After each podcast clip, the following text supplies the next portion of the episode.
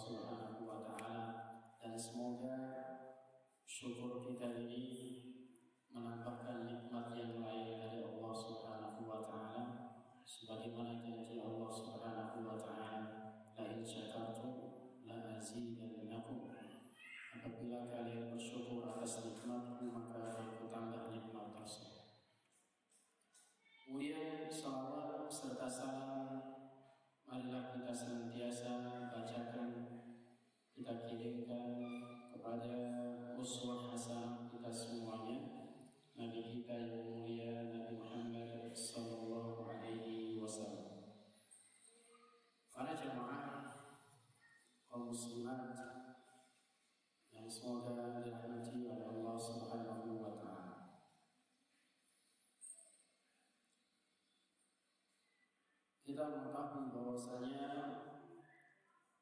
menjadi seorang istri adalah dambaan setiap wanita. Menjadi seorang ibu merupakan salah satu di antara cita-cita kaum wanita. Oleh karena Allah Subhanahu wa taala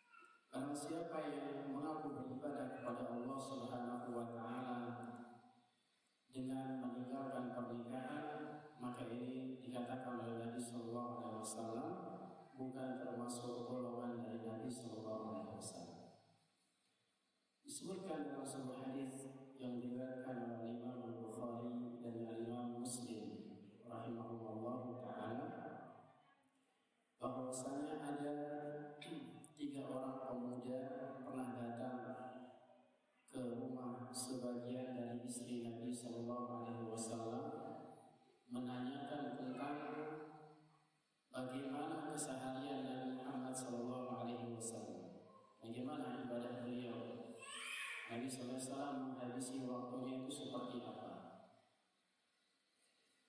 Ketika mereka dikabarkan tentang ibadah Nabi Sallallahu Alaihi Wasallam, karena taquluha, seolah mereka meremehkan ibadah mereka.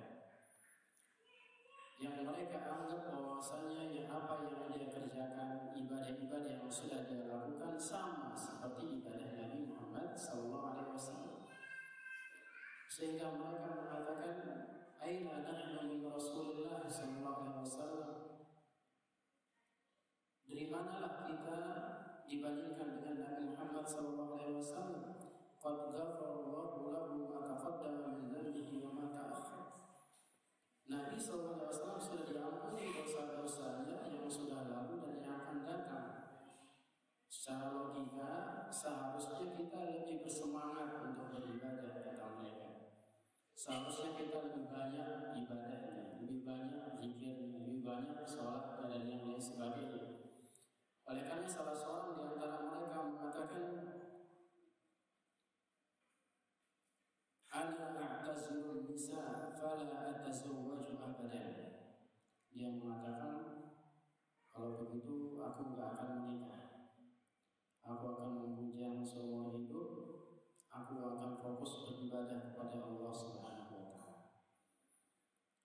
Secara zahir kelihatannya orang ini tujuannya bagus, Ya, dia tidak ingin tersibukkan oleh rumah tangga, tidak ingin tersibukkan oleh suami, tidak ingin tersibukkan oleh istri. Kalau dia sebagai seorang laki-laki. Dia ingin disibukkan dengan keluarganya, fokus beribadah kepada Allah Subhanahu wa taala.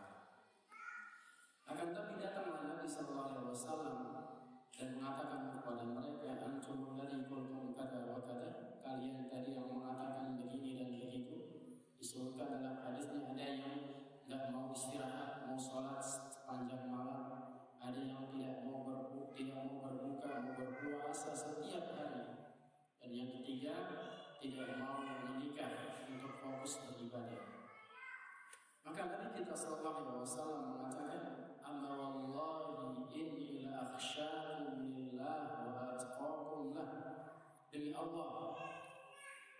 bersumpah atas nama Allah Subhanahu wa taala saking yang diucapkan orang ini mengandung konsekuensi yang berat.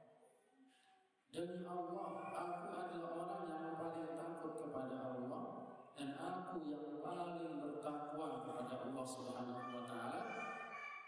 Dan beliau mengatakan wa atazawwajun nisa akan tapi aku menikahi para wanita.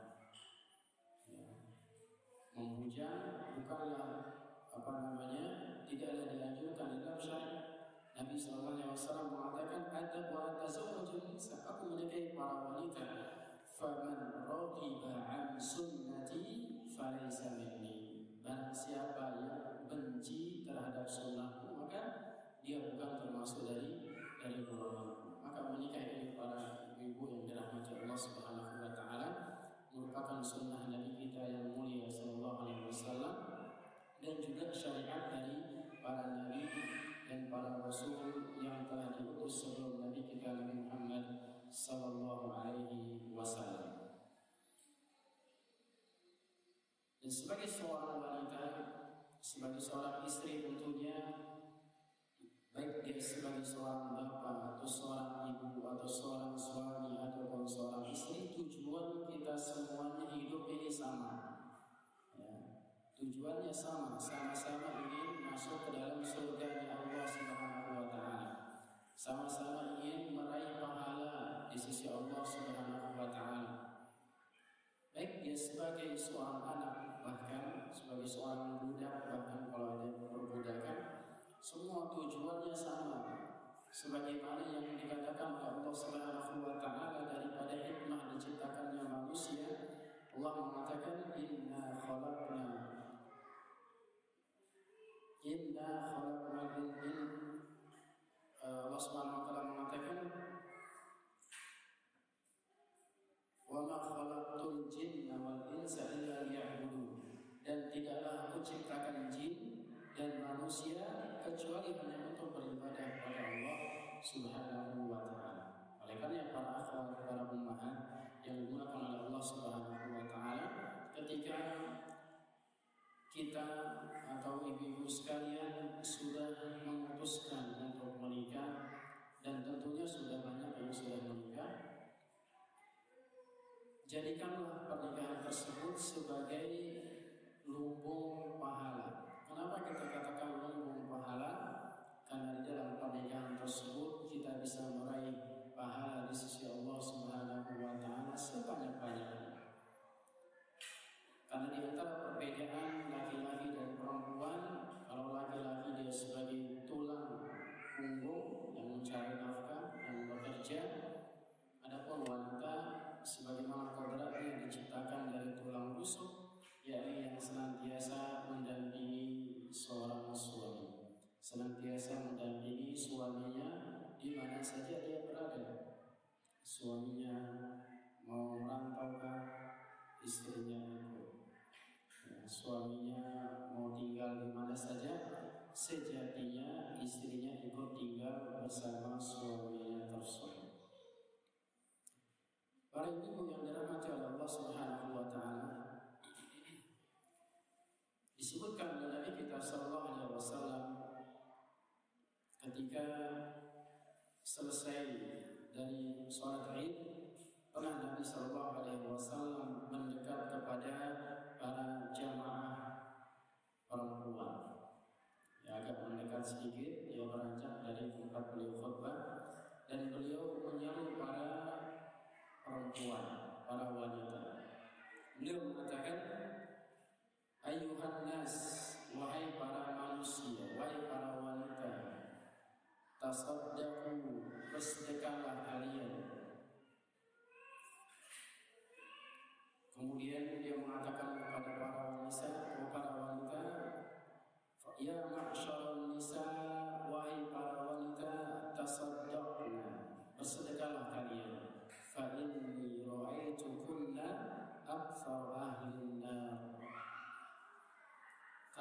aku melihat kata Nabi SAW kebanyakan penghuni neraka itu adalah dari kalangan para para wanita.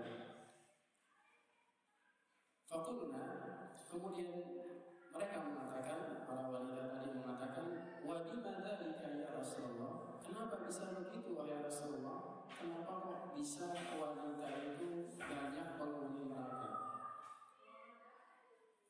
Qal karena Nabi SAW menjawab Tuksiruna la'na Wa takfurna ashira Di antara sebabnya ada dua. Di antara sebab para wanita banyak dijerumuskan ke dalam neraka adalah yang pertama banyak melaknat. Ya wanita itu banyak banyak melaknat. Melaknat orang tuanya atau orang tua suaminya suaminya juga dilaknat di apa namanya ya dikatakan yang jelek-jelek. Dan juga watakfurnal asyir dan kebanyakan wanita itu mereka sifatnya suka kufur terhadap nikmat suaminya. Kufur terhadap pemberian daripada pada suaminya. Ini di antara penyebab wanita banyak dijerumuskan atau dimasukkan ke dalam ke dalam neraka oleh Allah Subhanahu wa taala. Dan juga dalam hadis yang lain yang diriwayatkan oleh Ibnu Abbas radhiyallahu taala bahwasanya Nabi sallallahu alaihi wasallam mengatakan uridun nar fa idza aktsar ahliha nisa saya pernah diperlihatkan neraka oleh Allah Subhanahu wa taala isinya kebanyakan adalah para. Yakfurna, yang mereka sifatnya adalah suka kufur. Qila, maka dikatakan kepada Nabi, ayakfurna billah, apakah mereka kufur kepada Allah? Qal yakfurna al-ashir. Nabi SAW menjawab, mereka suka kufur kepada suaminya. Wa yakfurna ihsan dan mereka juga suka mengingkari kebaikan suaminya. Lau ahsanta ila ihdahunna dahra kalau seandainya kalian para suami, para laki-laki berbuat baik kepada mereka selama satu tahun, summa ra'aita minka syai'an kemudian pada suatu hari dia melihat keburukan padamu Qalat maka para wanita itu mengatakan ma raaitu minka khairan qat. Aku tidak pernah melihat kebaikan pada dirimu wahai suamiku. Ini antara hal yang sering dilakukan oleh para wanita, tapi mungkin wanita tersebut tidak hadir di masjid mudah-mudahan. Akan tapi para akhwat ya, para umat yang dimuliakan oleh Allah Subhanahu wa taala, kendati tersebut banyak wanita yang dimasukkan ke dalam neraka oleh Allah Subhanahu wa taala. Ada kabar gembira Nabi sallallahu alaihi wasallam bagi para wanita yang salihah. Bagi para wanita atau para istri yang salihah, dia juga bisa masuk surga dari pintu mana saja yang dia mau. Ya, kita tahu bahwasanya surga itu memiliki berapa pintu ibu-ibu? Berapa pintu surga? Hah? Delapan ya. Masuk surga dari semua pintu tersebut dipanggil dari pintu yang pertama, ayo masuk sini dari pintu kedua, masuk sini saja dan seterusnya semua pintu memanggil ibu-ibu. Mau nggak ibu-ibu? Mau semua insya Allah ya. Baik, ini ada kabar gembira dari dari Nabi kita Sallallahu Alaihi Wasallam. Di antara sebabnya atau di antara caranya adalah Nabi SAW mengatakan Ida salatil mar'atu khamsah Apabila seorang wanita rajin sholat yang lima waktu Sholat tepat waktu Sholat di awal waktu Jika ada, jika tanpa uzur yang syar'i. Wasomat syahraha Kemudian dia berpuasa yang wajib. Puasa Ramadan atau kalau ada puasa qada dia mengqada puasanya wa hasalat farjaha. Kemudian dia menjaga kemaluannya menjaga kehormatannya. Dan yang terakhir ini yang paling berat. Ya, kalau tadi sholat lima waktu yang mungkin insya Allah sudah rajin sholat bahkan ditambah sholat-sholat sunnah. Kemudian yang kedua berpuasa bukan bukan hanya Ramadan, bahkan banyak ibu yang berpuasa sunnah yang lain. Puasa ada yang selain Kamis mungkin, ada yang puasa Yahudi ataupun puasa Arafah, puasa Asyura dan lain sebagainya. Dan juga menjaga kemaluan, menjaga kehormatannya. Baik suaminya ada ataupun suaminya nggak ada. Baik di dalam rumahnya ataupun sedang berada di luar rumah. Yang terakhir kata Nabi SAW wa aqaat ba'laha. Kemudian dia mentaati suaminya. Nah, ini para jemaah sebab seseorang bisa sukses di akhirat itu dengan mentaati suami. Maka Nabi SAW mengatakan dakhalat min ayyi abwabil jannati sya'at maka dia akan dimasukkan ke dalam surga melalui pintu mana saja yang dia mau. Lihat ibu sekalian, betapa besarnya ganjaran seseorang yang mentaati suaminya, baik ketika perintah suami tersebut disukai ataupun tidak disukai selama tidak bertentangan dengan syariat maka wajib ditaati ya disuruh bikin kopi labbaik ya. Disuruh bikin teh nah disuruh masakin air buat mandi suaminya baru pulang kerja jalankan. Ya makanya sering kita nasihatkan kepada ibu-ibu sekalian beberapa majelis yang kita sampaikan uh, mulai berubah ya bagaimana menyambut suami di rumah bagaimana biar dia betah di rumah kalau sekarang suaminya pulang yang ditanya adalah dari mana dari mana Pak? Dari mana Bi? Kok telat pulangnya? Tadi habis pergi sama siapa? Ketemu sama siapa? Dan seterusnya. Sekarang dirubah ibu ya. Semakin kita mengaji, semakin ibu-ibu menghadiri majelis-majelis tali, majelis ilmu harus menjadi istri yang lebih baik. Harus menjadi apa namanya bidadari buat suaminya yang lebih baik. Diganti pertanyaannya. Ya, kalau pulang suaminya mau yang mau kopi dulu atau mau mandi dulu atau mau makan dulu atau mau aku dulu. Ya, tanya seperti itu. Jangan ditanya dari mana, tapi tanya seperti tadi mau makan dulu, minum dulu atau mau aku dulu pak ya biar dia senang pulang ke rumah. Kalau ridho suaminya, insya Allah Allah Subhanahu Wa Taala akan ridho kepada ibu-ibu sekalian. Karena tujuan kita hanya satu para ibu-ibu sekalian, kita ingin masuk surga. Tanggung jawab yang besar bagi seorang suami itu mengantarkan istri dan anak-anaknya masuk surga. Allah Rasulullah SAW mengatakan kullukum ra'in wa kullukum mas'ulun an ra'iyati. Setiap kalian adalah pemimpin dan kelak akan dipertanggungjawabkan oleh Allah Subhanahu wa taala. Juga Nabi SAW mengatakan wal mar'atu ra'iyatun fi baiti zawjiha. Dan seorang istri adalah pemimpin di rumah suaminya. Kalau suaminya nggak ada, ya dia pemimpin di rumahnya mendidik anak-anak, menguasai dalam negeri, dalam rumahnya itu adalah ibu sekalian. Maka jadikanlah semua yang dilakukan tersebut mintalah ganjaran dari Allah Subhanahu wa taala. Lakukan pekerjaan-pekerjaan di rumah dengan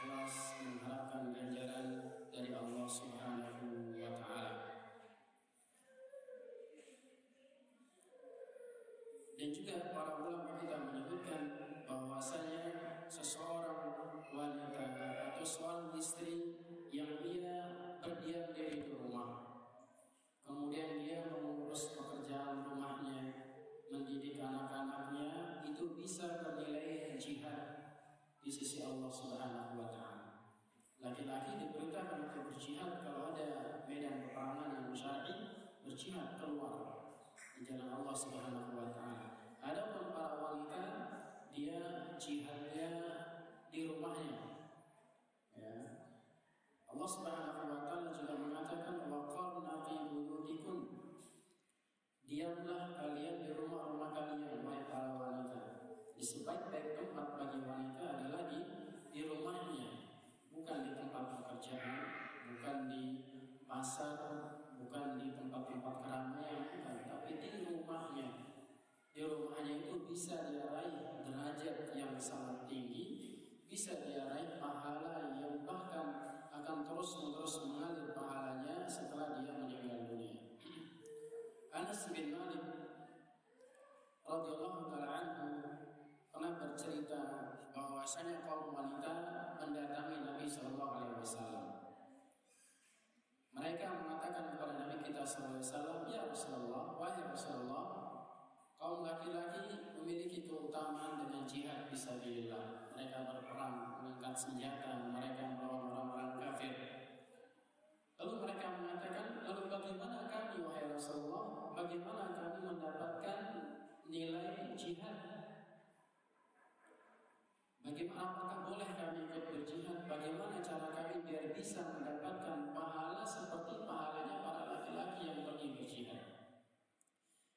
Rasulullah SAW menjawab memberikan kabar gembira juga buat e, para ibu-ibu sekalian yang ingin meraih pahala jihad. Apa kata Nabi SAW? Siapa saja di antara kalian yang diam di rumahnya atau yang seperti itu dia bekerja di rumahnya, mengurus anak-anaknya, mengurus rumah tangga ia setara dengan amalan para mujahidin. Dia seolah-olah berjihad di jalan Allah Subhanahu wa taala. Bahkan bisa menjadi sebab orang tua ibu-ibu sekalian diampuni dosanya oleh Allah Subhanahu wa taala dengan berbakti kepada suami. Ya. Karena di antara amalan seorang anak tentunya ingin juga orang tuanya mendapatkan kebaikan meskipun dia sudah sudah menikah. Pernah dikisahkan bahwa ada seorang wanita yang dia memiliki suami. Suaminya mengatakan, wahai istriku, saya ingin pergi jihad, saya ingin pergi perang. Kamu diamlah di rumah. Jangan kamu keluar rumah sampai aku pulang jihad. Maka pergilah suaminya. Beberapa hari kemudian datanglah seorang utusan mengabarkan bahwasanya orang tua dari wanita tadi sedang sakit. Ya, wanita apa namanya orang tua dari wanita istri tadi sedang sedang sakit. Akan tapi dikatakan oleh seorang istri tadi, saya tidak bisa pergi, saya tidak bisa menjenguk orang tuaku karena saya belum mendapat izin dari suami. Maka dia kembali utusan tadi datang hari berikutnya dikabarkan bahwasanya orang tuanya semakin keras penyakitnya. Ya. Sakitnya semakin keras. Akan tapi dia jawab dengan hal yang sama. Maaf, saya belum bisa menjenguk orang tua saya karena belum mendapat izin dari dari suami saya. Suami saya lagi berjihad. Kemudian baliklah uh, tadi. Kemudian keesokan harinya lagi yang ketiga kali datanglah apa namanya utusan yang tadi mengabarkan bahwasanya orang tuanya sudah meninggal dunia. Orang tuanya sudah meninggal meninggal dunia. Dikabarkanlah kepada Nabi Shallallahu Alaihi Wasallam apa namanya kejadian yang tadi maka Nabi Shallallahu Alaihi Wasallam mengatakan dengan sebab bakti perempuan tadi kepada suaminya Allah Subhanahu wa taala mengampuni dosa orang tuanya yang sudah meninggal akhwat, di antara keutamaan berbakti kepada suami bisa menjadi sebab seseorang diampuni dosa orang tuanya. Karena kalau sudah menikah sebagaimana yang kita ketahui bahwasanya kewajiban istri adalah mentaati suaminya nomor satu. Ya, baru mentaati orang tuanya. Kalau terjadi pertentangan yang tidak bisa digabung, misalkan antara mentaati suami atau mentaati orang tua nggak bisa digabung, maka pilih taat sama suami. Tapi kalau masih bisa dijamak, masih bisa digabung, maka taati suami, taati orang tua juga. Misalkan seperti yang nggak bisa dipisahkan, tinggal di mana, misalkan. Ya, suaminya bilang, kita merantau saja, kita tinggal di Tambun misalnya. Orang tuanya bilang, udah kamu di sini aja di dekat sama Abi, dekat sama Umi. Kata suaminya di Tambun aja misalnya. Ya, maka ini harus pilih salah satu. Maka yang harus dipilih adalah mentaati suaminya dengan tetap menjaga hubungan silaturahim kepada orang tuanya. Kemudian juga di antara lumbung pahala atau sebab-sebab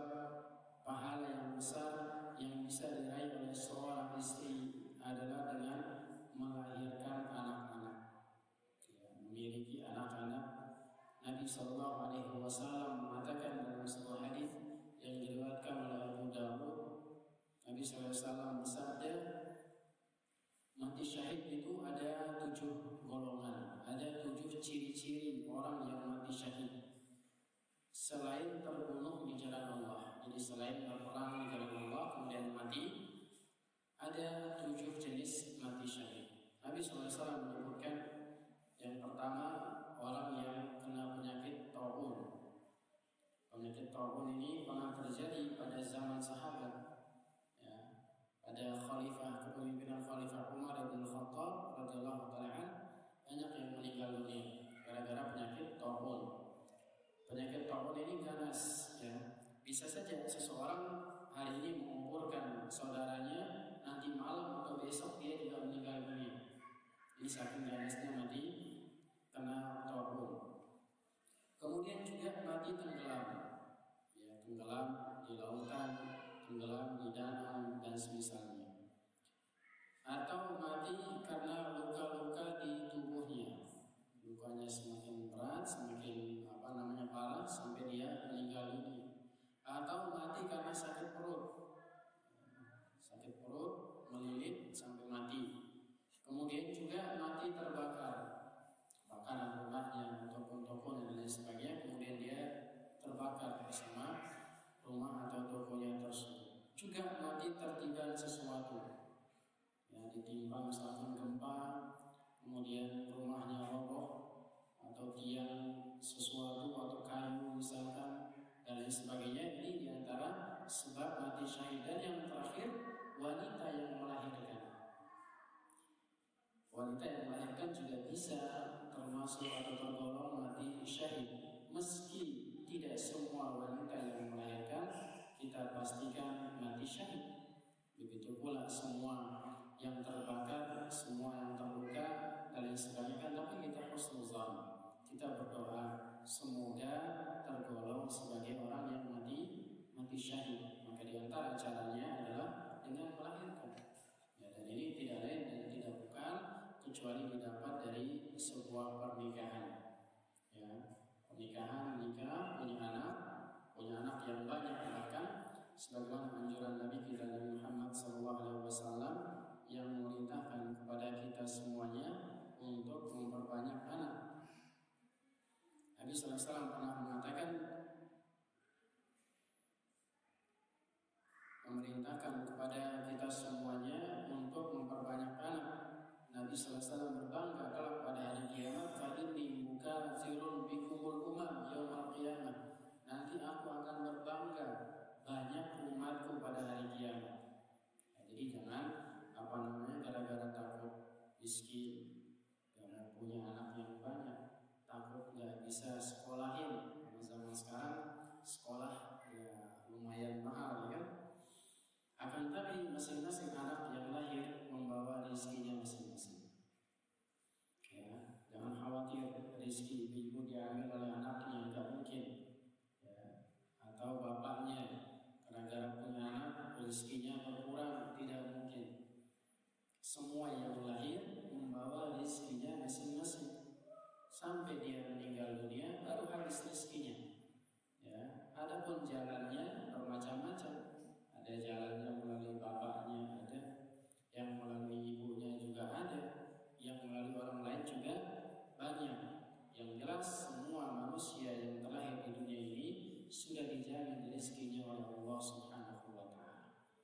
Jangankan manusia, bahkan hewan saja sudah dijamin rezekinya oleh Allah Subhanahu wa taala. Jangankan orang yang beriman, orang yang kafir saja sudah dijamin rezekinya oleh Allah Subhanahu wa taala selama dia masih hidup. Inilah di antara bentuk kemurahan Allah Subhanahu wa taala dan di antara bentuk kasih sayang Allah Subhanahu wa taala kepada makhluk kepada kita semuanya. Oleh karenanya banyak-banyaklah bersyukur kepada Allah Subhanahu wa taala. Dan juga para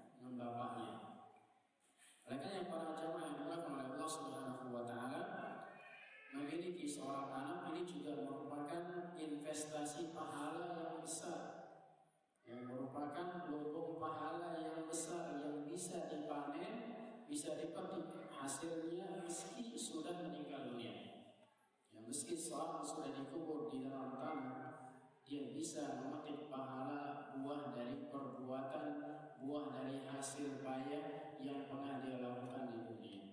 Nabi Shallallahu Alaihi Wasallam telah mengatakan dalam sebuah hadis yang diriwayatkan oleh Imam Muslim rahimahullah taala bahwasanya Nabi Shallallahu Alaihi Wasallam mengatakan إذا مات ابن آدم انقطع عنه عمله إلا من ثلاث apabila anak Adam itu meninggal dunia apabila manusia itu mati maka amalannya terputus. Amalannya terputus. Tidak bisa lagi beramal tidak bisa bersedekah tidak bisa lagi sholat tidak bisa lagi berpuasa, tidak bisa menambah amalan meskipun hanya satu rakaat salat, meskipun hanya satu tasbih, satu tahmid sudah terputus. Kecuali tiga perkara, Nabi SAW, tiga perkara ini yang tidak akan terputus ganjarannya, tidak akan terputus pahalanya. Di antaranya adalah sadaqatin jariyah sedekah jariah. Sedekah berinfak yang pahalanya atau hasil dari sedekahnya tersebut masih dipakai sampai kapan pun. Maka pahalanya masih mengalir. Pembangunan masjid misalkan taruh uangnya di situ sedikit. Ya, ada orang bangun pesantren sedekah. Ada orang bangun apa misalkan musola ada orang ingin gali sumur untuk diinfakkan maka selama masjid itu digunakan untuk ibadah selama musolanya digunakan untuk ibadah selama sekolah dan pesantren itu digunakan untuk ibadah dan sumur itu dimanfaatkan maka selama itu pahalanya akan terus ditransfer kepada kita semuanya yang berinfak di sini meskipun sudah berada di dalam tanah dan meskipun sudah dikubur. Kemudian juga di antara yang tidak putus pahalanya adalah ilmin atau ilmin yuntafa'u bihi. Ilmu yang bermanfaat. Ilmu yang kita ajarkan tidak tahu satu, dua ilmu atau tiga diajarkan kepada saudaranya, diajarkan kepada yang lain tetangganya, juga diajarkan kepada anak-anaknya. Diajarkan misalkan membaca Iqra, Alif, Ba, Ta. Ini adalah ilmu dasar yang kalau dengan sebab ibu-ibu mengajarkan anak-anak tersebut dia bisa membaca Al-Quran yang nanti dia dewasa akan terus-menerus membaca Al-Quran setiap hari minimal dia membaca selama sholat misalnya maka pahalanya akan terus mengalir. Apalagi anaknya tadi mengajarkan kepada orang lain, pahalanya double-double. Pahala buat dia, pahala juga buat ibu yang mengajarkan anak tersebut dari kecil yang mengajarkan membaca Al-Quran atau diajarkan sholat waktu di rumah ya. diajarkan membaca Al-Fatihah terus menerus akan pahalanya terus mengalir kepada ibu-ibu sekalian. Oleh karenanya tidak boleh apa namanya saling salah-salahan sama suaminya. Di masa kita aja yang mendidik anak, tidak begitu. Masing-masing ada tugasnya. Kadang anak-anak lebih suka diajarkan oleh ibunya. Kadang lebih suka sama bapak. Kalau lagi senang sama ibunya ajarkan. Kalau lagi senang sama bapaknya, kalau dia di rumah, bapaknya juga mengajarkan anak-anak tersebut. Masing-masing bekerja sama. Karena tadi tujuan kita sama, maka harus kerja sama. Bikinnya bareng-bareng, ini juga bareng-bareng para ibu-ibu yang dirahmati Allah Subhanahu wa taala. Bagi bagi tugas. Ya, mungkin suaminya kebanyakan tugasnya mencari nafkah di luar, pergi pagi, pulang petang, maka ibu-ibu juga harus menjaga amanah yang diberikan oleh Allah Subhanahu wa taala mendidik anak-anak di rumah. Jangan sampai kita menjadi sebagai orang yang ketika belum punya anak pengen banget punya berdoa kepada Allah Subhanahu wa taala sampai nangis. Karena mungkin ada yang sampai 10 tahun kadang belum diberikan anak. Ada yang sampai 15 tahun belum diberikan anak. Berdoa terus menerus jangan putus asa pada Allah Subhanahu wa taala. Jangan putus asa pada Allah Subhanahu wa taala. Ketika sudah diberikan anak maka dijaga anak tersebut. Ya, bagaimana cara menjaga anak tersebut? Di antara caranya adalah mendidik dengan benar, mendidik dengan baik, mendidik dengan maksimal, ya, mendidik dengan sebaik-baiknya pada anak-anak yang sudah diberikan oleh Allah Subhanahu wa Ta'ala. Kemudian yang ketiga di antara yang tidak akan putus pahalanya setelah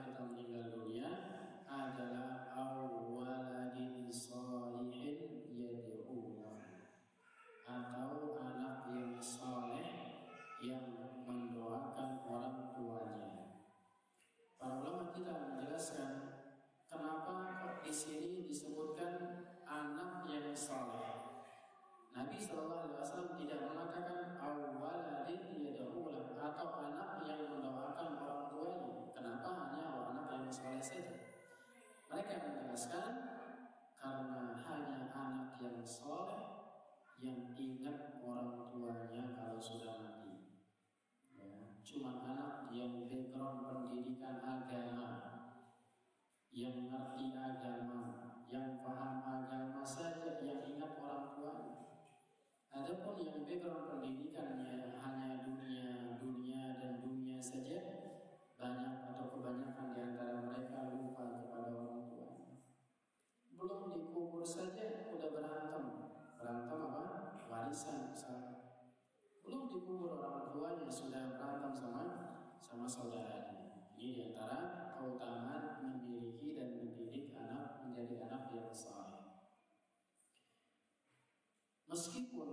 ketika diniatkan misalkan saya niatkan seorang anak bersedekah saya niatkan atas nama ibu saya. Saya bersedekah.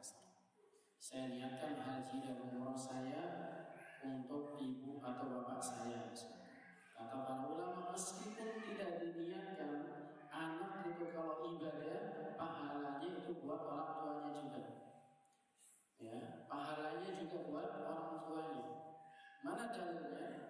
Dalilnya adalah dalam surah An-Najm ayat yang ke-39 Allah Subhanahu wa taala mengatakan wa an laisa lil insani illa ma sa'a dan seseorang itu tidak akan mendapatkan kecuali apa yang ia usahakan. Para menjelaskan menafsirkan ayat ini bahwasanya anak ini adalah hasil nasceu de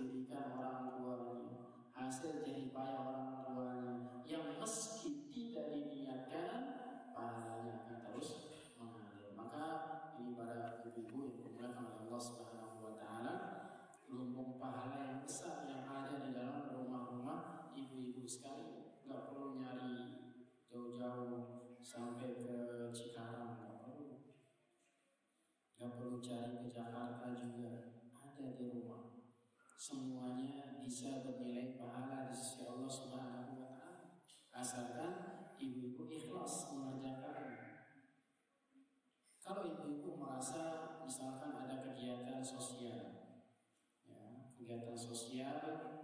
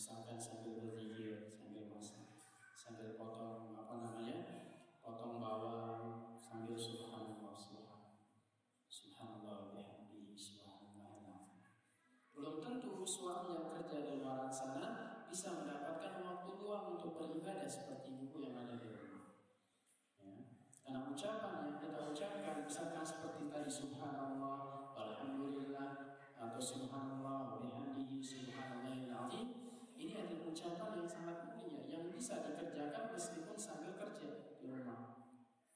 Sambil masak, sambil goreng tempe bisa berzikir kepada Allah. Ya, sambil goreng tahu misalkan bisa sambil berzikir kepada Allah Subhanahu wa taala. Selain dari hasilnya tadi bisa dimakan oleh suami oleh anak-anak di rumah. Pahala yang lain lagi pahala yang lain lagi dari Allah Subhanahu wa taala. Sambil nyapu di rumahnya sambil berzikir. Atau kalau ada hafalannya sambil murojaah di rumah. Bismillahirrahmanirrahim sambil nyapu. Qul huwallahu ahad. Allahus samad misalkan dan seterusnya dan seterusnya. Bisa memanfaatkan waktu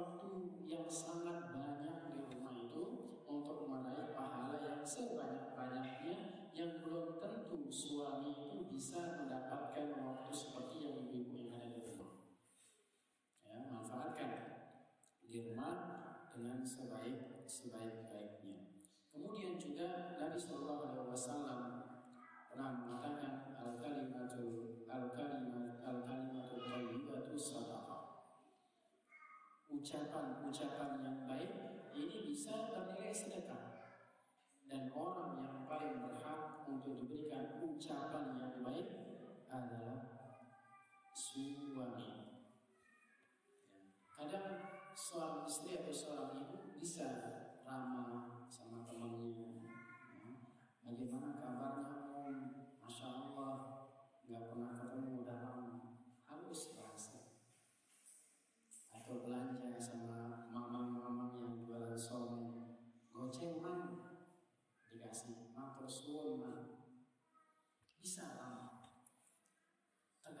sama suami Susah untuk lama Seharusnya yang berhak mendapatkan keramahan kelemah lembutan ucapan yang halus dari para ibu, para istri adalah suami. Karena kalau suaminya bahagia, suaminya senang, maka itu adalah pahala tersendiri dari dari Allah Subhanahu wa taala. Membuat orang lain senang, membuat orang lain bahagia mendapatkan pahala, membuat suami senang juga mendapat mendapat pahala, membuat senang anak-anak di rumah juga mendapat dapat pahala. Jadi semua yang kita lakukan di rumah itu bisa menjadi pahala yang besar, bisa menjadi sumber pahala yang kita tidak perlu jauh-jauh, ibu tidak perlu jauh-jauh mencarinya keluar, bisa didapatkan hanya dengan diam diri di. Ada keperluan, dan suaminya nggak bisa jemput anaknya, jemput. Setelah itu kembali lagi ke rumah. Istananya para wanita itu ada di rumah. Kebahagiaan para wanita itu hanya ada di, dalam rumahnya. Berdiam diri di rumahnya sebagaimana perintah dari Allah Subhanahu wa taala wa qarna fi buyutikum. Diamlah di rumah-rumah kalian. Bahkan lebih mulia daripada seorang sholat bahkan di masjid-masjid Allah Subhanahu wa taala. Tempat terbaik untuk sholat bagi para wanita adalah di rumahnya. Oleh karena dia tidak disyariatkan untuk sholat berjamaah. Yang disyariatkan untuk sholat berjamaah adalah suami, ya, suami ataupun istri sholat di di rumah atau bahkan di dalam kamarnya sendiri itu yang paling mulia. Dia bermunajat hanya bersama Allah Subhanahu wa taala. Kemudian para ibu yang dirahmati Allah Subhanahu wa taala dan juga di antara sumber pahala yang bisa didapat dari rumah bersama suami adalah dengan menjadi pakaian yang terbaik buat suaminya. Menjadi pakaian yang terbaik buat suaminya. Allah Subhanahu wa taala mengatakan bahwasanya suami itu adalah pakaian buat istri dan juga istri pakaian buat suami. Allah Subhanahu wa taala mengatakan hunna libasun lakum wa antum libasun lahum. Mereka para wanita itu adalah pakaian-pakaian kalian juga pakaian-pakaian buat buat istri-istri kalian. Apa fungsi pakaian para jamaah? Di antara fungsi pakaian adalah menutupi mungkin kalau ada hasil jahitan ditutupi ada penyakitnya yang di kulitnya ditutupi dengan pakaian ada aibnya yang ada di tubuhnya ditutupi dengan pakaian begitu pula halnya yang berkaitan dengan suami seorang istri harus bisa menjadi penutup aib suaminya. Jangan sampai aib-aib suaminya menjadi bahan obrolan bersama temannya.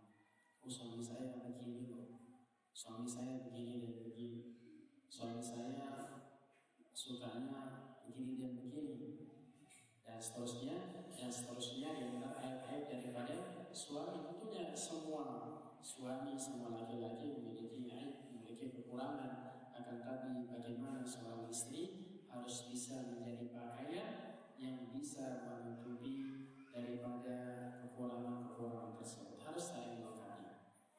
Kekurangan suami ditambah kelebihan istri bisa menjadi apa? Bisa menjadi baik rumah tangga tersebut. Suami bertugas di luar rumah, istri juga bertugas dalam dalam rumah memastikan rumahnya itu yang terbaik ya memastikan suami tadi rumah tadi menjadi istana bagi bagi suaminya.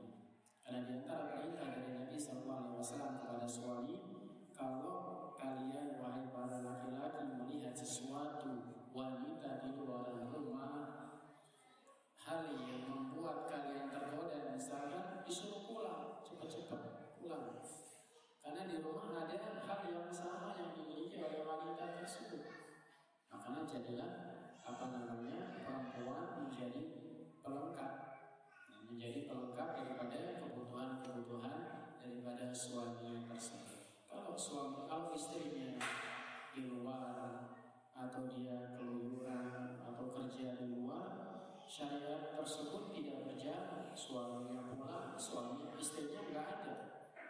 Ya, suaminya misalkan di, di luar rumah ada sesuatu yang dilihat disuruh pulang oleh Nabi, istrinya nggak ada. Kan kasihan. Atau istrinya lagi capek baru pulang kerja juga. Eh, baru pulang dari mana itu kerja? Pulang malam misalkan. Maka terjadi rumah tangga ini tidak seimbang karena tidak menjalankan tugas masing-masing yang namanya tulang rusuk para ibu sekalian itu senantiasa berada di samping suami melengkapi kalau nggak ada, kalau nggak lengkap tulang rusuknya nggak lengkap suami. Ya, nggak lengkap dia sebagai seorang suami. Begitu para suami kalau dia tidak menjadi tulang punggung juga tidak lengkap. Dia akan pincang.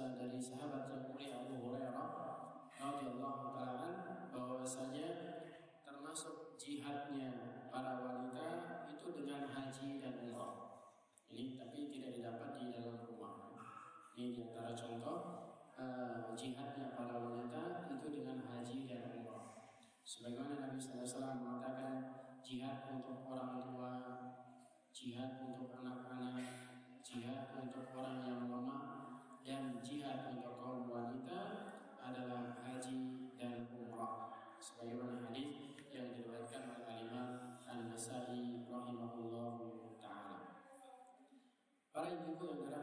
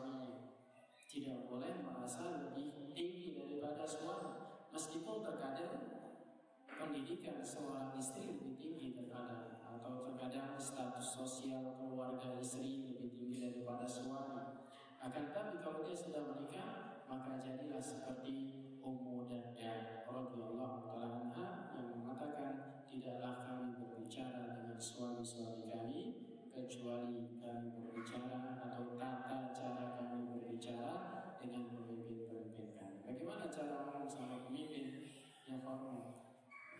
Maaf mohon maaf dan seterusnya. Boleh nggak begini dan? Dan salah satu sifat suami itu dia nggak suka disuruh-suruh ibu, ya, nggak suka disuruh-suruh. Pak, uh, apa namanya beliin nasi misalnya telepon suami halo Abi nanti pulang beliin nasi ya atau nanti pulang beliin nasi goreng di situ ya itu kadang suami itu nggak suka tapi kalau ngomongnya halus uh, tolong saya misalkan panggil saya meskipun udah 40 tahun 50 tahun atau pernikahannya udah puluhan tahun harus dibangun ya rasa-rasa yang dahulu pernah ada harus dibangun lagi. Banyak-banyak baca ibu bagaimana cara apa namanya memperbaiki keluarga misalkan. Kadang sebagaimana seorang uh, teman saya yang udah umurnya lebih dari 40 tahun bercerita kalau sudah umur 40 tahun lebih dan seterusnya itu kadang rasa bosan itu muncul. Rasa bosan sama istri. Udah seperti biasa aja. Udah kayak nggak ada rasa cinta. Sudah kayak nggak ada rasa rasa-rasa dahulu yang pernah ada sudah mulai apa namanya ingin mencari yang baru jadi bagaimana ibu-ibu bisa menjadi yang terbaik di mata suaminya bagaimana caranya di antara caranya adalah dengan bicara yang baik yang berbicara yang sopan, lemah lembut. Kalau sama satpam, lemah lembut. Kenapa?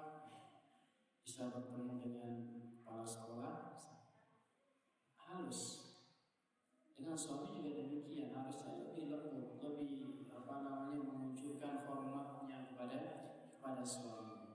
Dan juga di antara sifat-sifat wanita salihah yang bisa diraih pahalanya melalui suami sebagaimana yang dikatakan oleh Al Imam Ahmad rahimahullah taala beliau pernah mengatakan mensifati tentang bagaimana istrinya yang sangat salehah Al Imam Ahmad mengatakan saya tinggal sama Ummu Ahmad. Saya menikah dengan Ummu Ahmad selama sekian puluh tahun. Akan tetapi beliau mengatakan Ummu Ahmad tidak pernah membantah aku dalam satu kata. Satu kata Bukan satu kalimat Satu kata aja yang pernah dibantah Ini adalah di antara sifat-sifat istri yang saleh. Jadi kalau suaminya udah bilang begini, ya udah begini sudah. Gak usah ibu bilang begitu. Kalau dia bilang A, A. Insya Allah itu yang terbaik. Kecuali lagi diajak diskusi. Bagaimana ya ibu kalau kita begini dan begini, baru kasih masukan. Tapi kalau dari ibu teruskan misalkan jalankan Bismillah ya, mendapatkan pahala kepada suami menjalankan apa mendapatkan pahala di sisi di sisi Allah Subhanahu wa taala. Oleh karena ketika Allah Subhanahu wa taala mengatakan hati Allah wa atiur Rasul wa ulil amri minkum. Taatilah Allah, taatilah Rasul dan taati pemimpin-pemimpin di antara kalian. Di antara pemimpin tersebut adalah suami. Ya, suami kita adalah pemimpin yang paling dekat. Allah katakan bahwa ar-rijal qawwamuna 'ala nisa. Laki-laki itu adalah pemimpin bagi bagi wanitanya. Taat sama suami dapat pahala ibu yang dirahmati oleh Allah Subhanahu wa taala. Jadi bukan taat kepada Allah saja yang mendapat pahala, bukan taat kepada Rasul saja yang mendapat pahala, bukan sholat saja, bukan puasa saja, mentaati melayani suami dengan sebaik-baiknya juga merupakan lumbung bisa dikerjakan di rumah, tidak perlu mengeluarkan biaya, tidak perlu apa namanya mengeluarkan tenaga yang besar. Ya, jadi jadi istri yang terbaik, maka insya Allah akan mendapatkan ganjaran juga di sisi Allah yang sangat besar. Jadilah ibu yang terbaik yang mendidik anak-anak di rumah, mengurus rumah tangga, mengurus kebutuhan rumah tangga, akan mendapatkan ganjaran di sisi Allah Subhanahu kita sebutkan bisa bernilai jihad fi sabilillah dan sebagaimana para laki-laki berjihad mengangkat senjata, ibu-ibu berjihad mengangkat apa? penggorengan di rumah.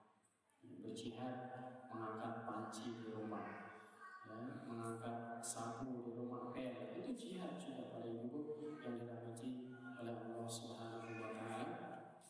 Dan uh, jangan lupa berdoa kepada Allah Subhanahu wa taala agar diberikan kemudahan untuk mentaati suami dan kemudahan untuk menjadi pendidik buat anak-anak yang ada di rumah dengan harapan sebagai investasi yang terbesar tadi kita sampaikan memiliki anak-anak yang saleh merupakan investasi yang sangat besar yang tidak didapat oleh orang-orang yang tidak memiliki anak amanah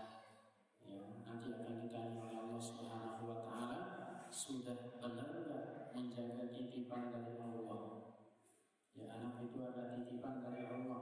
Nanti akan ditanya titipan Allah itu sudah dijaga dengan baik enggak ya atau disia-siakan?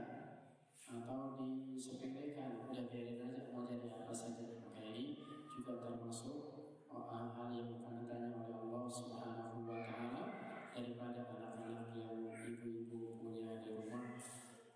Semoga Allah Subhanahu wa taala memberikan kita, memberikan ibu-ibu sekalian, suami-suami yang saleh yang tahu arah membawa rumah tangga ibu-ibu sekalian. Jadi pemimpinnya adalah suami, doakan biar suaminya tahu arah. Karena kalau nahkodanya,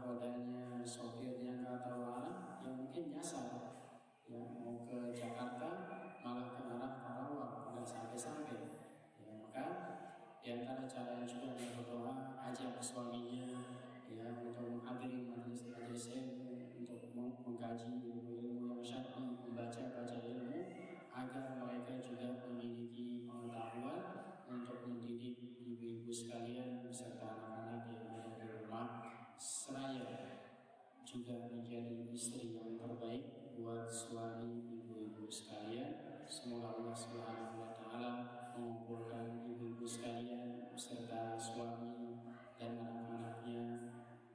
di surga Allah Subhanahu wa taala.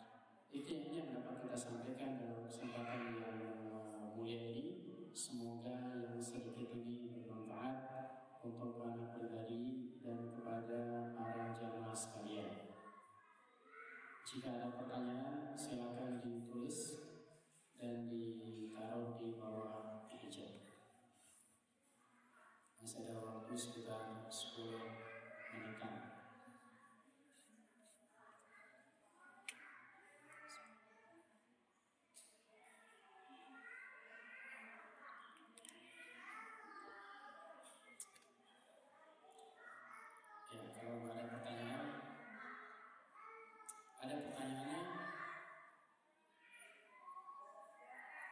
miséria